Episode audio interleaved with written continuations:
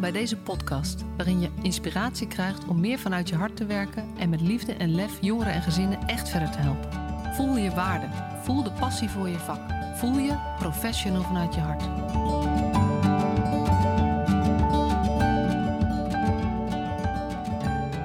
Leuk dat je er weer bij bent. Vandaag een nieuwe aflevering van de Professional vanuit je hart podcast. En we zitten bij mij aan de keukentafel.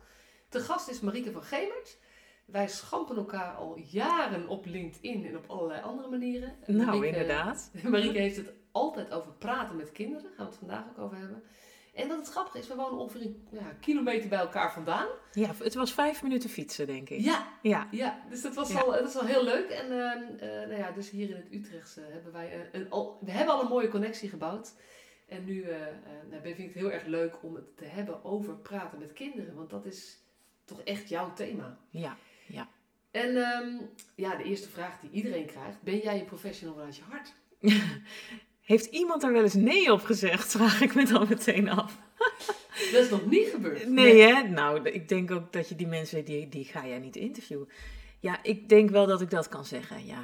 Eh, Zonder heel ehm eh, grootsprakerig daarover te willen doen. Ik- Ik denk dat dat wel de basis is. Dat je vanuit je hart contact maakt. En ehm, ja, als ik het heb over praten met kinderen en in, in mijn eh, eh, geval, dus de, de trainingen die ik geef en de dingen die ik daarover schrijf, die gaan altijd over kinderen die onveiligheid meemaken thuis.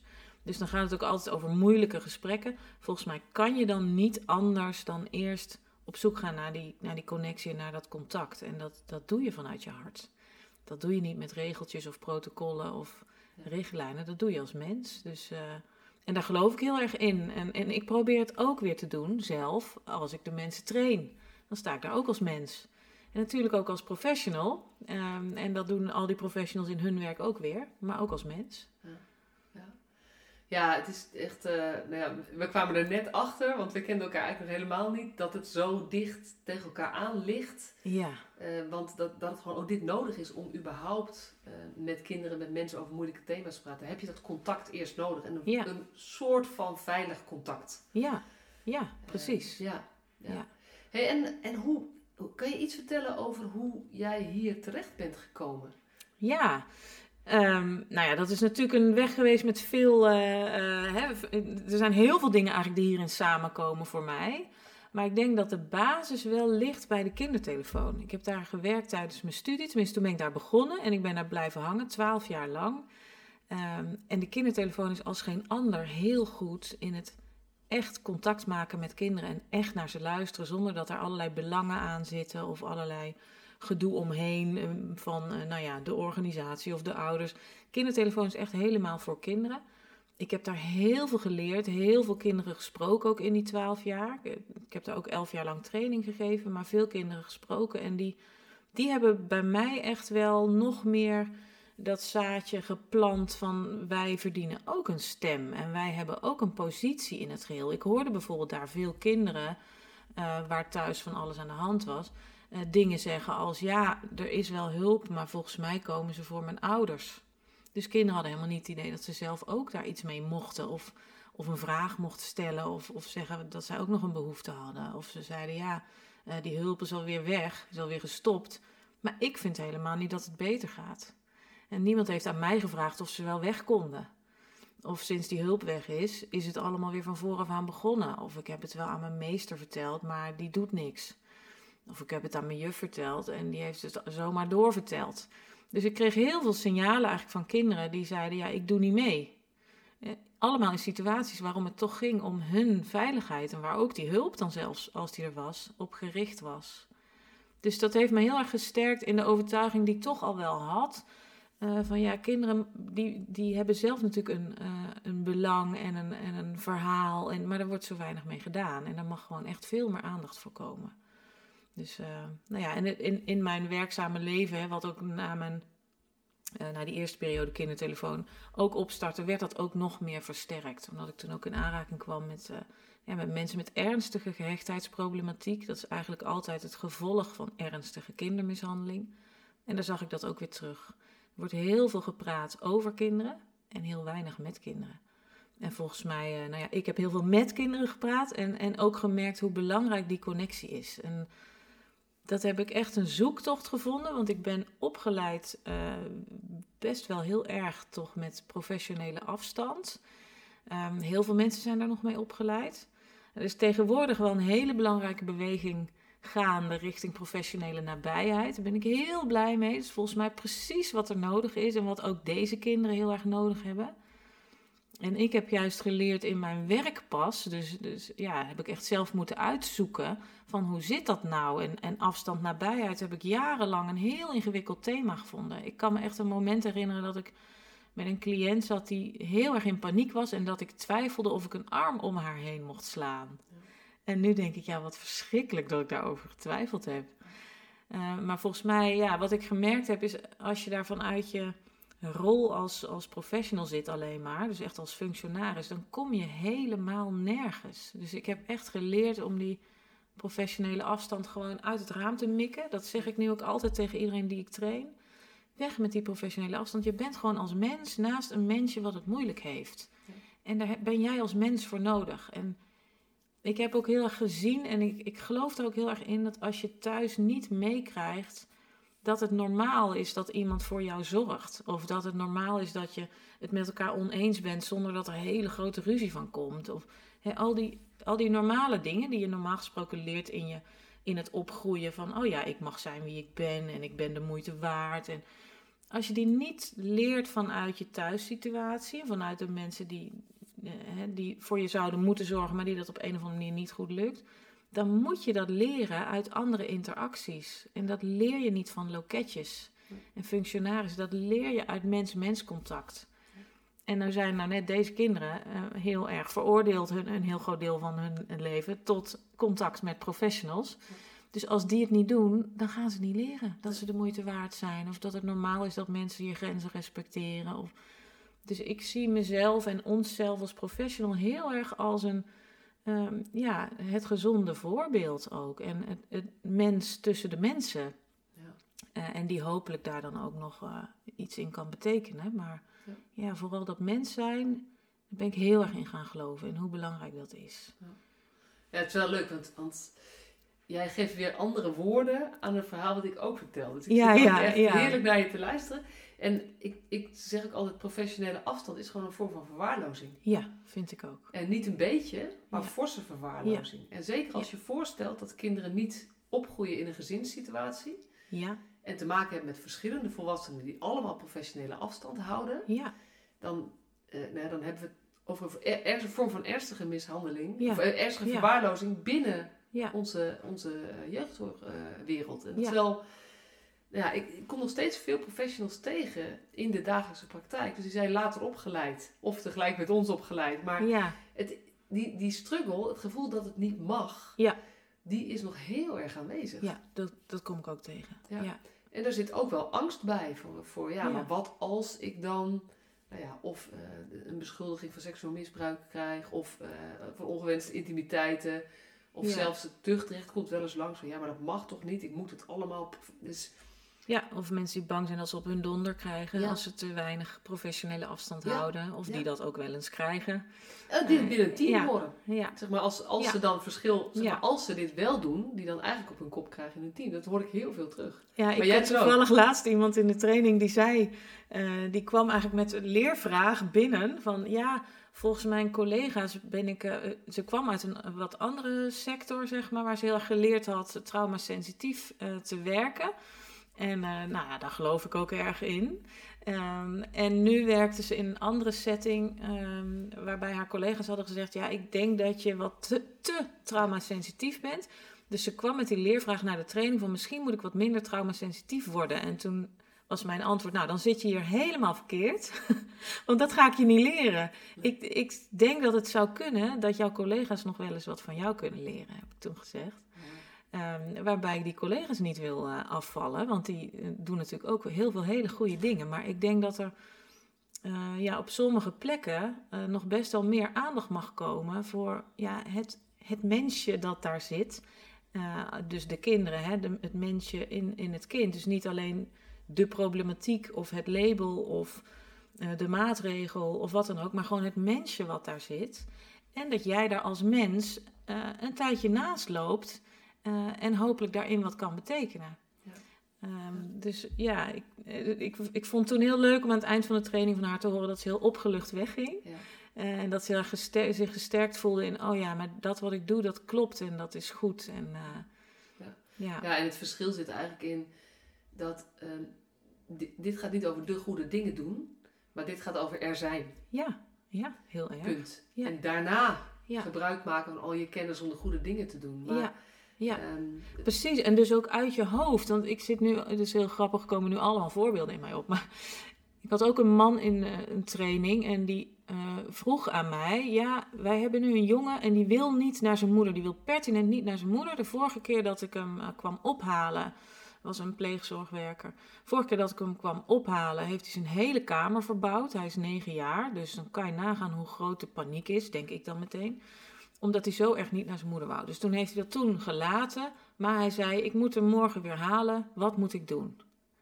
Dus mijn eerste vraag was: Heb je al aan hem gevraagd waarom hij eigenlijk niet naar zijn moeder wil? Nou, het antwoord was nee.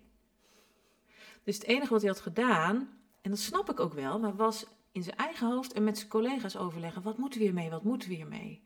Zonder te bedenken, ja wacht even, er zit hier een kind die kennelijk zo erg niet naar zijn moeder wil. Laten we daar beginnen. Goh, volgens mij ben jij eh, helemaal in paniek. Of wat zie ik nu? Of wat, wat is er aan de hand? Of... En hij zei ook nog, maar ik weet het denk ik wel. Want de laatste keer dat hij zijn moeder heeft gezien, had zijn moeder net een suïcidepoging gedaan. En dat kind had moeder gevonden. Ja, nou, ik kreeg helemaal kippenvel. Ik dacht, ja, maar dan, dan, dan begrijpen we toch heel goed dat dit kind compleet in paniek raakt als die deze confrontatie nu weer Ja. hè, met zijn moeder, die, die voelt zich aan alle kanten onveilig. En er komt zoveel emotie waar hij helemaal niks mee kan.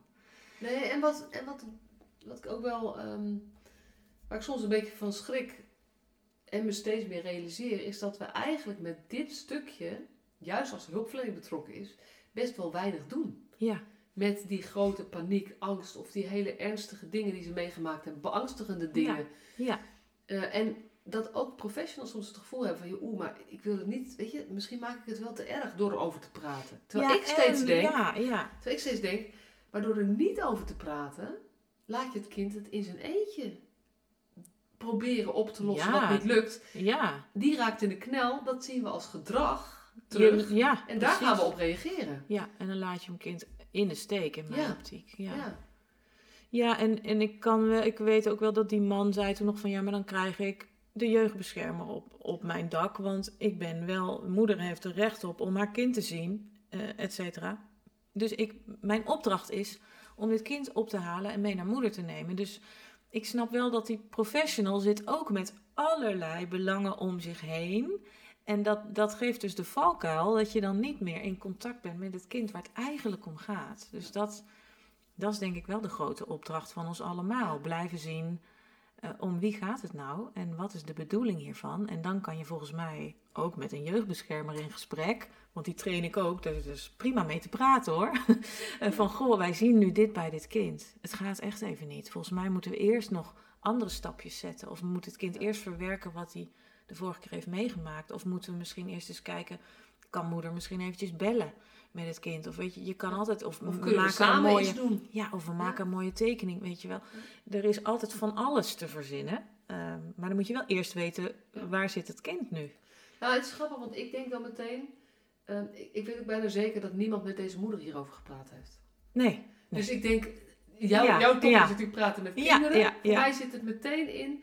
En dit is dus juist wat je, waar je de, de ruimte voor moet maken om met deze moeder over te hebben. Want deze Ja. moeder zal waarschijnlijk niet willen dat haar kind met geweld en tegenzin naar haar toegebracht wordt. En Ja. zal verdrietig zijn dat hij niet wil komen. Ja, ja, Maar door dat ja, te gaan bespreken en in de bovenlaag gewoon te brengen, komen er ook mogelijkheden om, om weer meer nabijheid en dichter tot elkaar te komen. ja, precies. Ja. Dus het is, je hebt het over praten ja, met want kinderen. dat is uiteindelijk wat je wil, hè? dat Ja. juist kinderen en ouders ook weer met elkaar leren praten, ook over al die moeilijke dingen. Ja.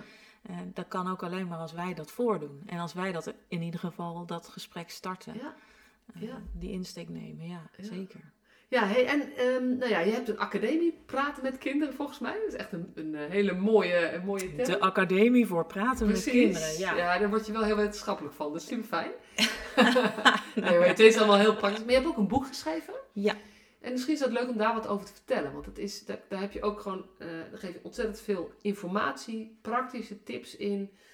En nou ja, je, vertel, je, je geeft veel training, dus je kan daar Ja. vast een soort van samenvatting van geven. Dat mensen een beetje idee hebben van, als ik nou het heb over praten met kinderen, waar moet ik dan op letten? Of wat kan ik dan doen? Of wat is Ja. dan belangrijk? Ja, ja het, eh, het boek waar je het over hebt is het praktijkboek Praten met kinderen over kindermishandeling. Dus het gaat ook echt helemaal over dat onderwerp. Eh, en in het boek wordt eigenlijk een methodiek aangereikt om dat op een zorgvuldige manier te doen. Waarbij je zowel aandacht hebt voor jezelf, van wat is mijn eigen taak en rol in het gesprek, maar ook hoe zit ik erbij. Met welke misschien mening, oordeel, emotie over deze situatie. Ehm, Ehm, en vervolgens gaat het ook heel erg over hoe maak je nou een veilig contact met het kind. Hoe zorg je ervoor dat het kind zich zo veilig genoeg voelt, of in ieder geval voldoende veilig voelt, om zijn verhaal met jou te delen, of om zijn inbreng te geven, of om zijn vraag te stellen. Ehm, en vervolgens ook, hoe neem je het kind nou mee in dat proces? Want na zo'n gesprek gaat er ook nog van alles gebeuren. En als jij als professional met een kind spreekt, dan heb je vaak ook nog wel weer een taak om iets te doen met wat het kind jou vertelt. Ehm, en dan is het heel belangrijk om een kind daar heel zorgvuldig in mee te nemen. eh, zodat hij zich ook dan veilig blijft voelen. Ja. Dus dat is eigenlijk in het eh, piepkort ehm, waar, waar het boek over gaat. Dus dat zijn de, de drie gesprekscirkels, zeg maar. Doel, veiligheid, verantwoordelijkheid heten ze dan. En die gaan dus eigenlijk over jezelf, over het kind en over het proces.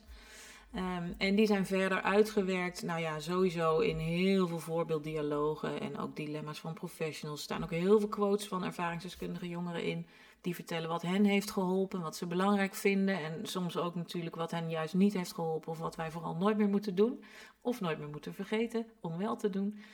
Ehm, en het, staat dan, het, boek bestaat uit drie delen en het, eh, eh, het eerste deel is eigenlijk vooral Ehm, ja, waar heb je mee te maken als je met deze kinderen überhaupt werkt of in gesprek gaat? Met welke mechanismes hebben deze kinderen te maken? Dus dan gaat het ook over schaamte en loyaliteit en parentificatie, eh, nou ja, al die dingen. Ehm, maar ook de meldcode voor de mensen die in het eh, veld van de meldcode werken. Ehm, dus ja, met, met, waar heb je allemaal mee te maken überhaupt? Waar hebben we het over als we het hebben over kindermishandeling? Dus dat is eigenlijk een beetje een basisdeel. En in het tweede deel wordt vooral die methodiek uitgelegd. En, en eh, nou ja, wordt er veel meer handen en voeten aan gegeven dan wat ik dan nu heel kort kan doen.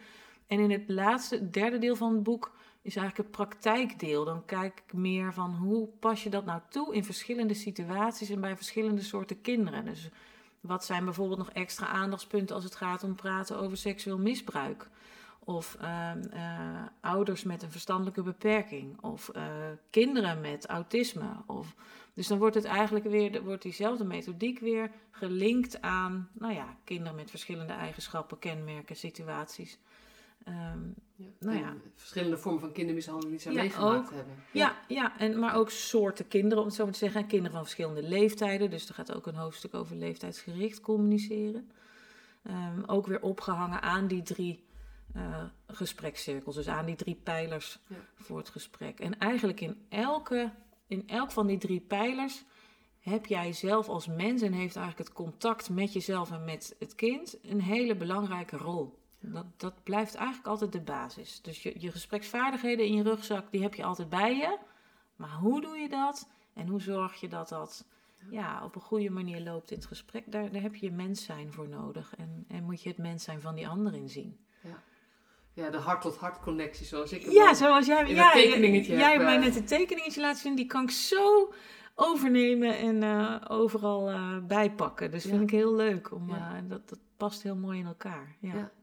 Ja, dat is ook, en we hadden het ook even over, hè, dat dat professional vanuit je hart, wat jij is, is zo ontzettend toepasbaar, bruikbaar, ehm, aanvullende kennis ook, die nog een beetje ontbreekt. Ehm, en het- dat professional vanuit je hart is dan eigenlijk een soort van het houdingsstuk, Mhm. wat nergens echt onder valt. Maar wat, Nee, waarvan ja. jij eigenlijk ook zei, maar dat is wel eigenlijk nog veel belangrijker dan de methodiek. ja. Het is ja. niet de methodiek waar het over gaat. Die, ja, natuurlijk, dat helpt je. Maar het gaat over hoe zit je daar? je bent je eigen instrument. Ja. Juist in dit werk. Ja. Dus ja, eh, het is nogal belangrijk, denk ik, dat je in de gaten hebt hoe je er zelf bij zit. En, eh, en, en ook wat het vraagt van je. Want ik, ik vind ook wel echt. ehm, kinderen die, die gezond opgroeien, daar kan je veel vaker heel gemakkelijk contact mee maken.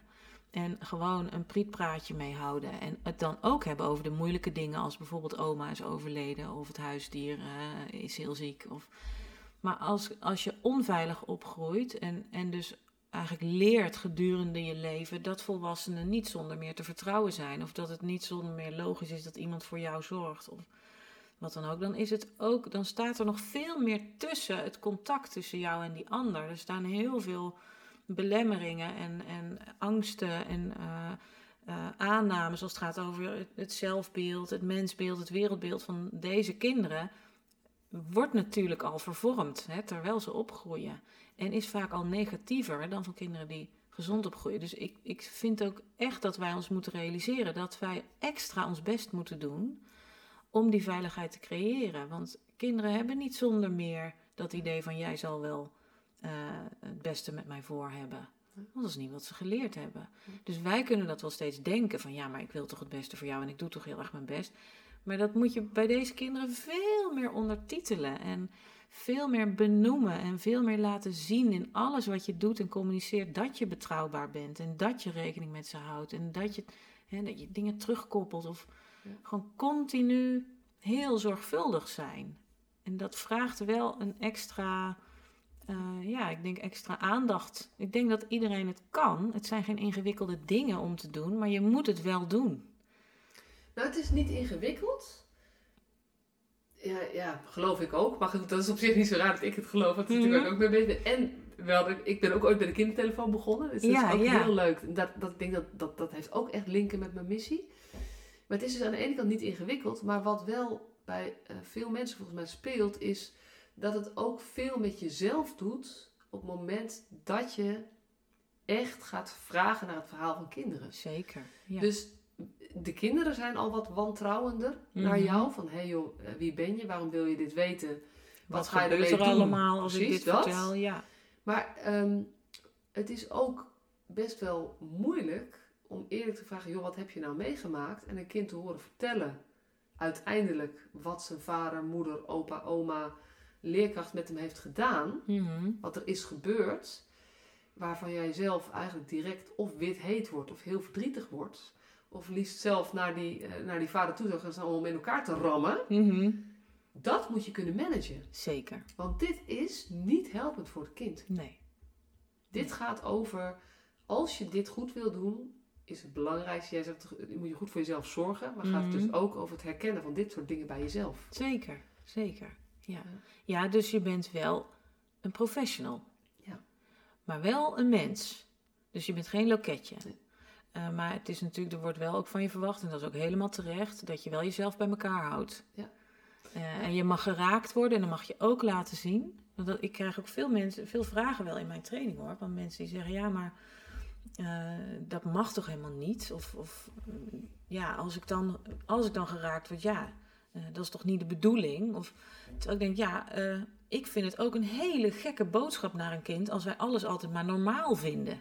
En dan ben je ook een robot. Als je niet geraakt wordt, ben je ook een robot. Dan ben je ook een robot, maar het is toch ook een hele rare boodschap. Als iedereen altijd maar heel stoïcijns reageert op al die heftige verhalen, dan krijg je als kind ook niet, dan leer je ook niet dat het ook niet normaal is. En, en, en dat je iets anders misschien ook, Ja. hè, ook aan jou besteed mag zijn. Zeg maar. En wat, Dus- wat zou je dan bijvoorbeeld kunnen zeggen? Als het inderdaad, als een kind jou iets vertelt wat echt heftig is. Eh, nou, ik, had bijvoorbeeld, ik gaf jou het voorbeeld al even gisteren eh, in, een, eh, in een training kwam het aan de orde van een, een groepsleider. Een jongen die was sinds een tijdje weer naar zijn moeder gegaan. En het was allemaal spannend, maar hij ging dan weer. De jongen was al vijf- 15 of 16 of zo. Ehm, en het was allemaal moeilijk gegaan, maar die moeder mo- mocht dan uiteindelijk. En die moeder heeft hem na twee uur weer op de trein teruggezet naar de groep. En de groep laten weten, joh, ik kan niks met hem, jullie mogen hem hebben. Zoiets. ja. En die groepswerker die zei, ik weet je, ik ben al zo kwaad op die moeder. Ik wil gewoon niks met dat mens. Ja. En hoe kun je dan reageren naar zo'n kind? Ja. Als je zo'n zelf die woede voelt. Ja, ja ik, ga dan als, ik ga dan meteen terug naar, als ik naar die methodiek kijk van die drie gesprekscirkels, hè, naar die eerste, want het gaat daar over jou. Dus eerst reflecteren, wat gebeurt er nu bij mij? En volgens mij, zodra je dat door hebt, kan je altijd kiezen om dat heel even te parkeren. Want je hoeft niet gelijk nu naar die moeder toe. Het kind schiet er ook niks mee op als jij boos gaat zitten zijn over die moeder. Ehm, dus dat heel even voor jezelf te parkeren. Maar je kan natuurlijk wel eh, gebruiken om je te verplaatsen in het kind. En, en wat mij altijd heel erg helpt, eh, dus dat zeg ik ook vaak in trainingen, is op zoek gaan naar mijn professionele liefde toch voor deze moeder. Kennelijk was het voor haar nu zo moeilijk dat ze op dit moment niet anders kon dan deze keus maken om haar kind weer terug op die trein te zetten. Wat heeft ze het moeilijk gehad vanmiddag? In plaats van wat een achterlijke actie van haar. Kennelijk is het gewoon heel ingewikkeld nu voor haar. En daar kan je ook compassie mee hebben, volgens mij. Daar Ja. moet je soms even je best voor doen. Als ouders dingen doen waar je heel erg hè, zelf ook emotioneel van raakt. Eh, maar ik denk wel dat dat de kern is. Dat je blijft verplaatsen in iedereen. Als jij een heel groot oordeel hebt over deze moeder, dan komt dat mee naar het kind, ook al zeg je het niet. Ik zeg ook altijd van deze kinderen zijn afgestudeerd in het scannen van volwassenen op hoe veilig ben jij. En dat zit voor een heel groot deel in hoe congruent ben jij. Dus als je het ene zegt en het andere denkt, eh, dan ben je niet veilig. Dus als jij denkt, wat een achterlijke actie van die moeder dat ze de kind nou weer terug op die trein zet, dan zeg je het niet, maar het staat wel op je voorhoofd. En het kind heeft het al lang in de gaten, die keurt mijn moeder af, die keurt dus ook mij af. Want dat is hoe het voor kinderen voelt. Dus volgens mij staat jou eerst iets met jezelf te doen op zo'n moment. Even, even eh, reflecteren op hoe zit ik erbij. Dat heel eventjes zien te parkeren. En dan gewoon met aandacht voor het kind. Goh, jee, hoe gaat het met je? Want je bent weer hier. Ik had je nog niet verwacht. En je kan zelfs ook zeggen, joh, het lijkt me best heftig. Tuurlijk. Dus, dus je kan wel gebruik Ja, maken ja. van dat wat je voelt. Maar ik zou wel altijd eerst benieuwd zijn. Want dat, Ja. ik vind het heel belangrijk om ook dat soort dingen te zeggen. Van nou, wat heftig. Of eh, nou, dat lijkt mij... de- Maar nou, eerst weten of het kind het wel heftig vindt. Ja, hoe beleeft het kind dit? Want anders dan ontneem je hem misschien ook al zijn verhaal. Ja. Want je weet het niet altijd. Hè? We denken vaak dat we wel een beetje weten hoe iets voor een kind is.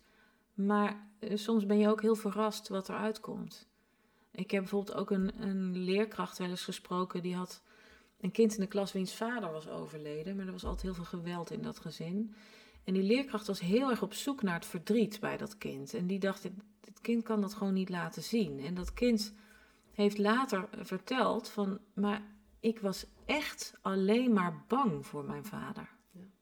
Maar omdat je dat zelf gewoon zo moeilijk voor kan stellen, eh, dan, dan eh, nou ja, die leerkracht interpreteerde het zo, dat kind kan niet bij zijn verdriet. Dus die vertelt mij niks. Maar het kind vertelde wel zijn verhaal, maar die vertelde een ander verhaal. Namelijk, ik ben best wel opgelucht, want het is nu rustiger thuis. Maar dat is een verhaal wat je zelf misschien heel moeilijk kan horen. Omdat, ja, dat hoort eigenlijk niet. En je hoort verdrietig te zijn. En je kan jezelf misschien ook niet voorstellen dat je niet verdrietig bent. Maar op dat moment was dat hoe het kind dat beleefde. En hoe dat dan verderop in zijn leven een plek krijgt, dat weet je niet. Maar dat mag er ook zijn. Iemand mag ook opgelucht zijn. En, eh, Nou ja, en, en daar raak je ook iets wat weer zoveel met die professionals ma- te maken heeft. Ehm, het mag, maar mag, vinden wij ook dat het mag? Ja. Of hebben wij daar Ja. ja. onbewust heel vaak bepaalde nou ja, aannames sowieso, maar ook en normen oordelen of waarden en oordelen over. Ja. eh, die je nog niet bewust bent. Want Ja. je, kan er pas wat mee als je bewust wordt van dit soort... eh, Zeker, ja. En ik denk ook, daarnaast is het dan ook, het zit nu ook weer te denken. Het is ook nog zo dat we niet van kinderen kunnen verwachten dat ze altijd maar alles met iedereen delen. Nee. Dus misschien ben jij op dit moment, of ik op dit moment, niet de persoon met wie een kind dat verdriet wil delen, bijvoorbeeld. Hè? Dat kan ook. Ja, dat vind ik ook. Nou ja, het is toevallig nu weer in het eh, nieuws actueel over hoeveel kinderen eh, ver- verhuizen binnen de jeugdzorg, Ja. verplaatst worden. En ehm, dan krijgen ze een nieuwe mentor. En die mentor verwacht eigenlijk wel, want die zet zich ervoor in, dat er een soort van vertrouwensband ontstaat of zo, Ja. zeg maar. Terwijl ik dan ook zeg, ja, maar realiseer je eens dat jij misschien hulpverlener, nou laten we hem niet heel ernstig maken, maar nummer 65 bent.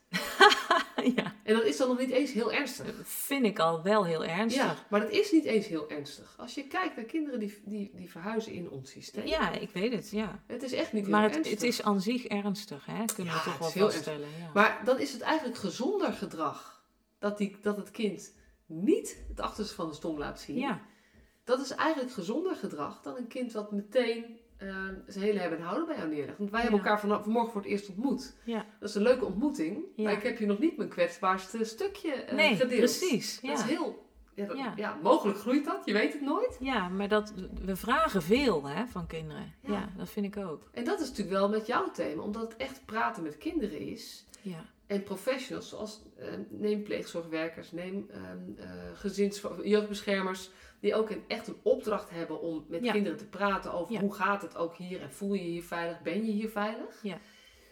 Dan vragen we echt veel van dat kind, om Ja. dat ook maar met die persoon, die ze misschien nou ja, één keer in de zoveel tijd zien, niet goed kennen en misschien niet eens heel aardig vinden. ja. Hoe kijk je daar dan tegenaan? Hoe we dat, dat we dat ook dat die veiligheidscheck dan zo georganiseerd hebben? Ja, nou ja, ik vind wel dat je eh, altijd je best moet doen om wel met het kind in contact te komen. En ik denk dat er heel veel zit in contact. Dus lukt het je om echt contact te maken. En dan kan er heel veel. En dan hoef je niet altijd een vertrouwensband te hebben, zoals er vaak wordt gezegd. Hè? Want veel professionals denken ook, ja, ik ga het gesprek maar niet aan, want ik heb geen vertrouwensband. Maar als je dan kijkt, ja, wie heeft die wel? Dan, niemand vindt van zichzelf vaak dat hij die vertrouwensband heeft. En iedereen gaat er dan van uit dat er wel iemand is die dat wel heeft. Maar uiteindelijk is er dan dus niemand die dat doet. Terwijl ik denk, het gaat niet zozeer om een langdurige vertrouwensband. Het gaat om laten zien dat jij te vertrouwen bent. Dus je hebt een. eh, dat kan ook in één gesprek. Dus als je bij Veilig Thuis werkt of bij de Raad voor de Kinderbescherming, daar train ik ook veel. eh, dan heb je niet een, eh, de tijd, de gelegenheid om een vertrouwensband op te bouwen. Want je spreekt een kind maar één of twee keer. Maar je kan wel in dat ene gesprek of in die twee gesprekken. kan je wel heel veel doen aan, eh, nou ja, laten zien. Gewoon als je al heel transparant bent bijvoorbeeld. en je mens zijn mee durft te nemen. en af en toe een voorbeeld over jezelf vertelt. Of, of dat nou is van, eh, goh, ik zie die hond van jullie is net zo ondeugend als die van mij. Dan laat je al iets van jezelf zien. Maar het mag ook iets groters zijn. Goh, mijn ouders hadden vroeger ook van die enorme ruzies. En dan zat ik wel eens op de trap. Dan had ik er buikpijn van. Hoe is dat bij jou? En eh, in één zinnetje kan je dan al laten zien: Goh, ik snap jou wel. Of weet je wat ik altijd doe als ik me alleen voel? Wat doe jij als je je alleen voelt? Want we, ook al heb je niet hetzelfde meegemaakt, we hebben allemaal als volwassenen al die emoties natuurlijk wel eens gehad.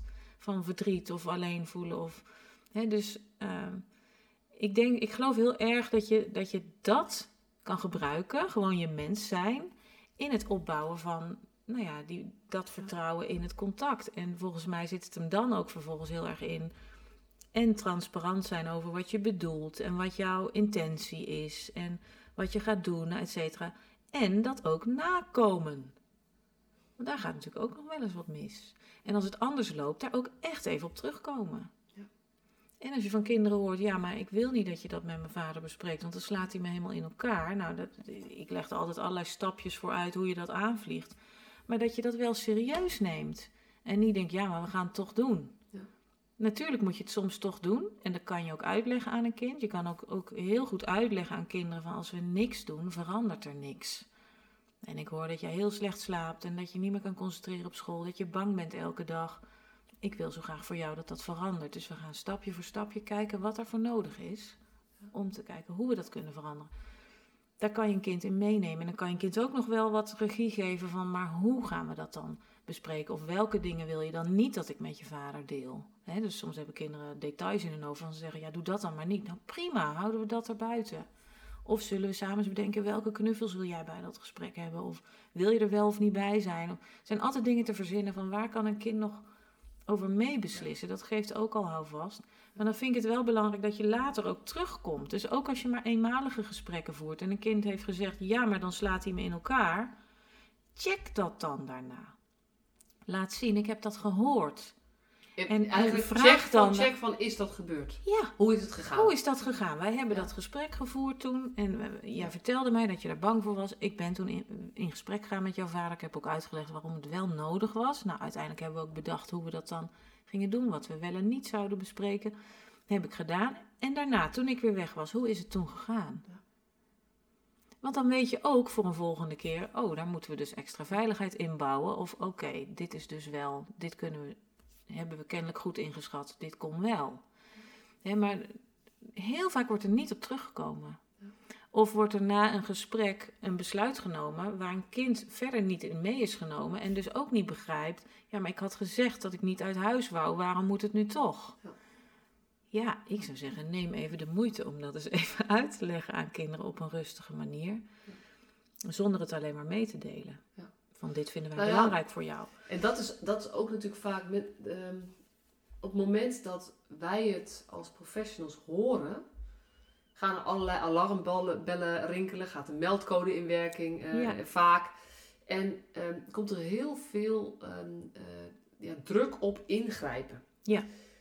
Maar voor mij altijd helpt is om te realiseren, maar het betekent niet dat het die dag begonnen is. Nee, Dus de druk, de tijdsdruk die wij voelen, ja, is er lang niet is er altijd. lang niet altijd. Nee. Weet je, op het moment dat het echt doods, zeg maar dat het gaat over leven en dood. Ja. En die situaties zijn er, en dat is, dat is zeker als het over hele kleine kinderen gaat, eh, ligt dat natuurlijk nog iets gevoeliger dan bij het kinderen iets, die iets ouder zijn en die, die, die zelf kunnen vertellen daarover. Dus Ja, ik heb altijd zelf geleerd, kinderen onder de vijf moet je op een andere manier beslissingen nemen dan wanneer ze Mhm. zelf ook kunnen, kunnen praten. Dus Mhm. ik weet niet of jij, hoe jij er tegenaan kijkt. Maar de tijdsdruk die wij voelen, want wij denken, ja, maar dit is zo erg, dit moet stoppen. Maar we reali- realiseren ons niet dat het misschien al twee jaar zo is en dat het ene Ja. weekje erbij, ja. zelfs als het gaat over verkrachtingen door een vader, wat heel ernstig is. Ik heb van, van ervaringsdeskundigen teruggehoord dat eigenlijk het feit dat het ingegrepen werd, het kind met paniek en sirenes uit huis gehaald werd per direct, Mhm. schadelijker voelde dan Ja. wanneer het misbruik nog een tijdje was doorgegaan. Mhm, Ja, dus nee, ik vind ook aandacht voor het proces is daarin ook weer belangrijk. En daar mag een kind soms ook tijd in kopen, wat mij betreft. Dus als je denkt, goh, een kind kan nu nog niet mee hierin. ehm, goed om jezelf af te vragen, moet het nu? Want kunnen we dit ook over drie weken nog eens bespreken? Of ehm, morgen nog eens een keer een gesprekje doen? Maar En dan, kijken maar of- dan, maar dan, Niet dat een kind een besluit eh, neemt daarin, hè? dat bedoel ik niet. Maar meer als je bijvoorbeeld hebt over eh, iets bespreekbaar maken met ouders. Als een kind daar nu nog erg van in paniek is en nog eventjes over na moet denken. Ja, moeten we dit vandaag al delen met ouders? Misschien kan dat best over één week of over twee of drie weken. Ehm, dus ik, ja, ik ben altijd wel heel erg voor om per situatie en per kind te kijken. Wat, wat is er nodig en wat is er mogelijk? Maar, de- maar dan, ja, als ik dan eh, me even verplaats in, in sommige professionals, dan is het ook van, ja, maar dan ben ik er verantwoordelijk voor dat dit kind de komende drie weken gewoon nog steeds mishandeld wordt. En ehm, ja, daar ben ik dan verantwoordelijk voor. En, en hoe zit dat dan? En, Maar dat eh, zijn we sowieso met z'n allen. Hè? Want ook na een, eh, een maatregel, bijvoorbeeld een ondertoezichtstelling, is het door die ondertoezichtstelling is het niet ineens veilig thuis. Dus dat doen we de hele tijd met z'n allen, allemaal, denk ik. En we proberen te werken aan die veiligheid. En ik, ik zou het heel goed vinden als we dat ook meer aan kinderen uitleggen. Het is niet zo dat als er hulp komt dat het allemaal is opgelost of dat het ineens allemaal goed is. Zo werkt het niet. Het is heel ingewikkeld. En we, we weten ook, nou ja, om een voorbeeld te noemen, hè, als kinderen opgroeien met een ouder met eh, psychiatrische problemen of met een verslaving, dan kan je ook aan een kind uitleggen dat is niet zomaar iets wat we kunnen oplossen. We kunnen wel kijken van welke hulp kan misschien nog meer helpen om te zorgen dat het wel beter lukt. Of dat het mama beter lukt om eh, wel elke dag te zorgen voor eten. Of eh, misschien kunnen we oma daar eens voor vragen. Of, hè, dus je probeert met een netwerk van professionals en, en het sociale netwerk te kijken van kunnen we voldoende stutten steunen zodat het beter gaat. Maar een tien in onze optiek gaat het niet worden natuurlijk. Nee. In de meeste gevallen. Nee, en dat is wel, dat is natuurlijk ook maatschappelijk gezien, ja, is dat bijna wel wat gevraagd wordt. Want ja, alle Ja. drama's moeten voorkomen worden. Ja, En ik weet ook dat ehm, ja, als er een ondertoezichtstelling is, dat, dat er vaak eh, vanuit scholen, gezinnen waar ze zich zorgen over maken, dan ervaren de, de GI's weer. Ja, en de scholen willen maar dat we de kinderen eruit halen, omdat het niet acceptabel is. Want die Ja. maken mee dat de kinderen Ja. zonder brood op school komen. ja. Dus, dus, ja, er is ook heel veel onbegrip over en weer hè, tussen Ja. sectoren. Ja, dat zie ik ook heel erg. En, en vind ik ook altijd wel heel moeilijk, omdat ik ik, train in al die sectoren, zeg maar, en ik zie ieders dilemma's. En ik begrijp ze ook allemaal. En, eh, en ik denk ook, als je het hebt over deze gezinnen, die, die eh, problematiek is vaak ook echt heel complex. En een, eh, een psychose is niet morgen over en komt dan nooit meer terug. Of een verslaving is niet opgelost met even twee weekjes een behandeling. En, en de interacties tussen ouder en kind, die zijn ook niet nu ineens. En als ik bijvoorbeeld naar mezelf kijk, ik ben zelf ook moeder. Ik heb ook momenten dat ik denk, nou, als ze mij vandaag komen filmen en ze horen wat voor werk ik doe, dan sta ik er ook niet zo charmant op vandaag. Weet je, het is ook normaal. Hè, dus, en in elk gezin is de mate van eh, geweld eh, natuurlijk anders. En ik, ik kan gelukkig zeggen dat mijn kinderen veilig opgroeien. Maar ik schreeuw ook wel eens te hard. Eh, en eh, dan, dan denk ik ook, oh jee. En weet je, dus soms moet je dingen ook kunnen, eh, in die zin, in zekere zin normaliseren, denk ik. Van we hoeven geen perfecte ouders te creëren of perfecte gezinnen. Aan de andere kant wil je wel dat een kind zich veilig genoeg voelt om, om zich te ontwikkelen. Ehm, dus ik vind ook, ik vind zeker niet dat we nooit moeten ingrijpen of eh, weet je, helemaal niet. Ik ben er heel erg voor dat we meekijken, maar wel op een manier die recht doet aan iedereen. En niet zomaar mensen disqualificeert, maar kijk van waar zit jij nu? En, en hoe kunnen we jou ondersteunen? En ehm, nou ja, liefst natuurlijk op eigen vraag, hè, want waar zou jij ondersteuning in willen? En soms moet je ook zeggen, nou ik train heel veel bij de Raad voor de Kinderbescherming. Dat zijn eigenlijk altijd situaties waarbij ouders die vraag niet zelf stellen, bijna altijd, maar waarbij er gedwongen ook wordt ingegrepen. En dat kan heel erg nodig zijn, daar ben ik ook heel erg voor. En ik heb natuurlijk kinderen gesproken die zeggen, ja, waarom moest ik uit huis? Had het niet gewoon anders gekund met wat hulp voor mijn moeder? Maar ik heb ook kinderen gesproken die zeggen, waarom ben ik niet eerder weggehaald? Of ik vond het verschrikkelijk dat ik weer mee terug moest naar huis. Ja. Dus al die verhalen zijn er. Ehm, Ja, en dat is natuurlijk eigenlijk de, de kern van jouw stuk. Is, weet je, er zit een maatschappelijk stuk in hoe denken we over veiligheid en wie bepaalt. Ja. Maar wat jij gewoon echt steeds zegt is, laten we degene over wie het gaat, voor wie we dit allemaal doen, en dat zijn de kinderen, ja, laten we die volwaardig gesprekspartner laten zijn. Ja. En eigenlijk, zolang het niet levensbedreigend is, laat hen ook heel veel meebepalen in het proces. Ja, en waarbij je wel, denk ik, je moet het ook niet op de schouders van het kind leggen eh, om die besluiten te nemen. Want dat kan je een kind, kan ook niet van een kind vragen. Net Dat als kan dat je met aan... loyaliteit niet. Nee, je kan ook niet van een kind vragen, wil je bij papa wonen of bij mama, even heel eh, Ja. eh, simpel gezegd.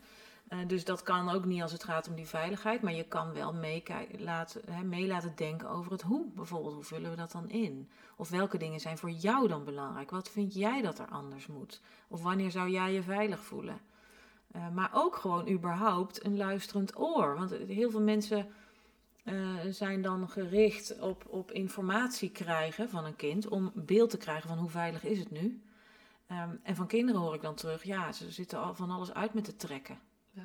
Zo voelt het dan. Terwijl volgens mij onze taak als professional ook is om gewoon eens te luisteren naar, maar hoe beleef jij jouw situatie? En dat geeft ook heel veel informatie. Dus in plaats van alleen maar te zoeken naar feitjes, hoe vaak word jij geslagen, veel meer hoe beleef jij jouw situatie? Hoe gaat het nu met jou? En dat is volgens mij een veel relevantere vraag en waardoor kinderen zich ook veel meer gezien voelen en gehoord voelen. Ja, en ehm, je noemde ergens tussendoor nog, ehm, je in je boek ga je ook in op verschillende leeftijden. Mhm. Kan je daar, eh, we zitten een beetje aan het eind van de podcast, kan je daar Mhm. nog iets over zeggen? Want ehm, nou ja, je, hebt, je hebt een beetje basisschoolleeftijd. En dan denk ik, ja, tot een jaar of, je hebt tot een jaar of vijf. Dan heb je zo'n beetje tot een jaar of negen, gok ik. Dan tot een jaar of dertien. Ja, er Je zit natuurlijk uit, je kan, je kan het zo ongeveer per twee jaar zo indelen. Ja. Hè? En, dat is een, en het ene kind is het andere niet, dus dat zeg ik er ook altijd bij. Ik denk altijd sowieso als het gaat over meedenken, altijd op het eigen niveau. Dus bij een, bij een peuter is het meer, goh, jij gaat nu dus eh, een tijdje bij opa en oma logeren. Zullen we samen eens kijken welke knuffels je mee wil nemen? Hè, dan is dat invloed geven. En hoe ouder een kind wordt, hoe meer dat natuurlijk ook over de inhoud van de afspraken kan gaan. Of, eh, hè, dus Ehm, ja, en bij jonge kinderen heb je nog veel meer te maken ook met sowieso de afhankelijkheid. Dus ook als het gaat om informatie. Dat kinderen vaak helemaal niet zo goed snappen waarom dingen gebeuren. Dus dan vind ik het ook dat, dat wij heel erg ons best moeten doen om te zorgen dat kinderen ook meer houvast krijgen op, of grip krijgen op dat proces. Wat gebeurt er nu allemaal en waarom? Dus ook uitleggen waarom je gaat ingrijpen, bijvoorbeeld. En ik ook bij kinderen van vijf? Ja, juist bij kinderen van vijf, omdat die het niet begrijpen uit zichzelf. Kijk, een kind van 15, die weet vaak al wel, omdat hij ook bij vrienden thuis komt en dingen op school heeft geleerd, een wat breder beeld van de maatschappij heeft gekregen. Kinderen van 15 weten vaak wel, ook niet altijd hoor, maar vaak wel van, hmm, wat bij mij thuis gebeurt, gebeurt niet overal. Of goh, bij die vrienden van mij is het altijd veel uh, gezelliger. Of weet je, die, die hebben dat al gezien. Kinderen van vijf hebben echt geen idee. Maar ik vind sowieso dat alle kinderen daar recht op hebben op die goede uitleg. Maar ik denk juist bij jonge kinderen die, die nog zo afhankelijk zijn van onze informatie, moeten we echt ons best daarvoor doen. En ik hoor vaak professionals zeggen: ja, maar belast je ze dan niet te veel? Ik denk dan, ze maken het al mee. Ze maken het al mee. Het is al hun verhaal. Je hoeft er alleen nog maar woorden aan te geven en uitleg aan te geven. En wat mij betreft kan het heel helpend zijn om, om kinderen uit te leggen wat uh, wat, wat wel of niet normaal is, hoewel ik het woord normaal daarbij meestal niet gebruik hoor. Maar ik noem dat in trainingen de maatschappelijke norm. Dus dat je gewoon aan een kleuter bijvoorbeeld kan je best zeggen: ouders mogen hun kinderen niet slaan. Dus daarom gaan wij nu afspraken maken met uh, papa of mama. Of daarom gaan wij nu mama leren om anders boos te worden. Of weet je wel, je kan daar. Uh, ouders mogen kinderen niet slaan, is echt nieuws voor kinderen die dat wel elke dag meemaken of, uh, goh, wat lief dat jij zo voor je moeder zorgt. Zo'n moeder die misschien elke dag depressief in de bed ligt. Hartstikke lief dat jij voor mama zorgt. Maar weet je, als je acht bent, dan is het ook belangrijk dat er iemand is die voor jou zorgt. Ja. En dat vind ik ook mooi. Je zegt dus dat er iemand is. Je zegt niet dat je moeder voor jou zorgt, want daar gaat, zou die misgaan. Als je zegt dat er iemand voor jou zorgt, geef je ruimte ja. En dat, dat, kan, dat lukt mama nu niet, of dat kan ze niet in haar eentje. Dus ja. er gaan anderen bij helpen. Weet je, maar ook, en ik vind dan ook belangrijk dat je ouders niet disqualificeert en kinderen ook niet. Dus wat ik dan heel vaak hoor, is dat mensen bijvoorbeeld zeggen van ja, maar jij hoort niet voor je moeder te zorgen, je moeder hoort voor jou te zorgen. Eh, en dan geef je eigenlijk een hele negatieve boodschap over allebei, over moeder en kind. Terwijl ja, voor een kind is dat ook maar gewoon de situatie waar die in zit. Die heeft helemaal niet een andere keuze of zo. Hè? Dus dus die doet ook maar wat de situatie van hem vraagt. En dat doet hij supergoed en daar verdient hij een compliment voor, vind ik. Ja. wat doe je dat lief?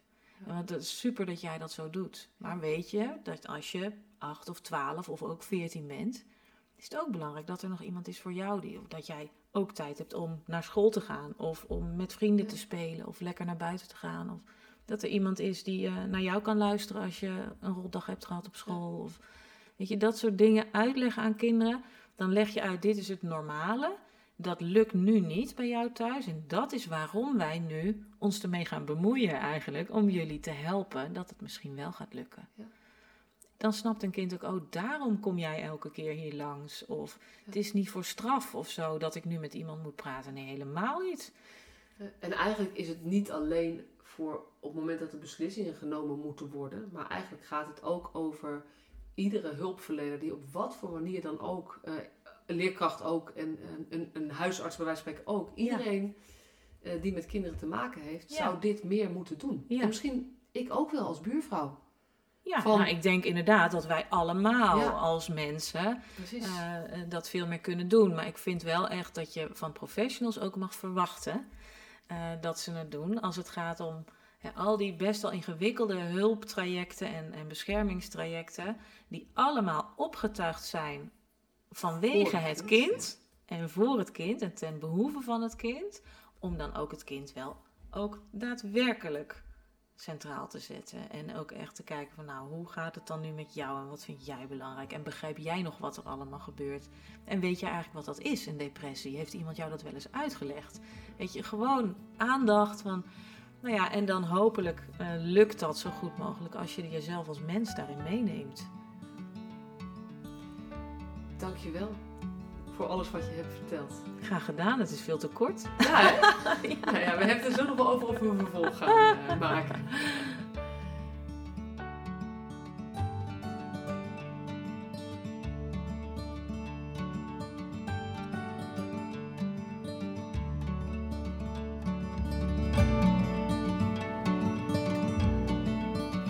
Superleuk dat je weer luisterde naar deze podcast. Dankjewel. Nog even kort een paar belangrijke dingen. Ten eerste, het is mijn missie dat de jeugdhulp weer een sector wordt waarin bevlogen, liefdevolle professionals jongeren en gezinnen echt verder helpen. Daarom maak ik deze podcast voor jou. Wil jij deel uitmaken van deze beweging van Professional vanuit je hart, waarin professionals elkaar steeds opnieuw inspireren? Begin dan met het lezen van mijn boek. Je kunt de eerste hoofdstukken helemaal gratis lezen. Ga naar professionalvanuitjehart.nl/slash boek. Ten tweede, wil je alle podcastafleveringen overzichtelijk onder elkaar? Abonneer je dan op deze podcast. Klik in je podcast-app op de button subscribe of abonneren. En elke keer als er een nieuwe podcastaflevering gepubliceerd wordt, ontvang je automatisch een berichtje. Ten derde, ondersteun je mijn missie? Geef me dan een review via je podcast-app, bijvoorbeeld iTunes of Spotify. Op die manier kan ik nog meer professionals bereiken. En ken je een collega voor wie deze podcast ook interessant is? Dan zou het super zijn als je hem of haar de podcastaflevering doorstuurt. Bijvoorbeeld door de link te kopiëren via Spotify. Ik vind het altijd heel leuk om berichtjes te ontvangen van luisteraars. Om te horen wat je van een podcast vindt. Of als je misschien vragen of suggesties hebt. Of als een aflevering je een bepaald inzicht heeft gegeven of er iets in beweging is gekomen. Stuur me dan even een berichtje op masha.professionalvanuitjehart.nl via de website of stuur me een connectieverzoek op LinkedIn.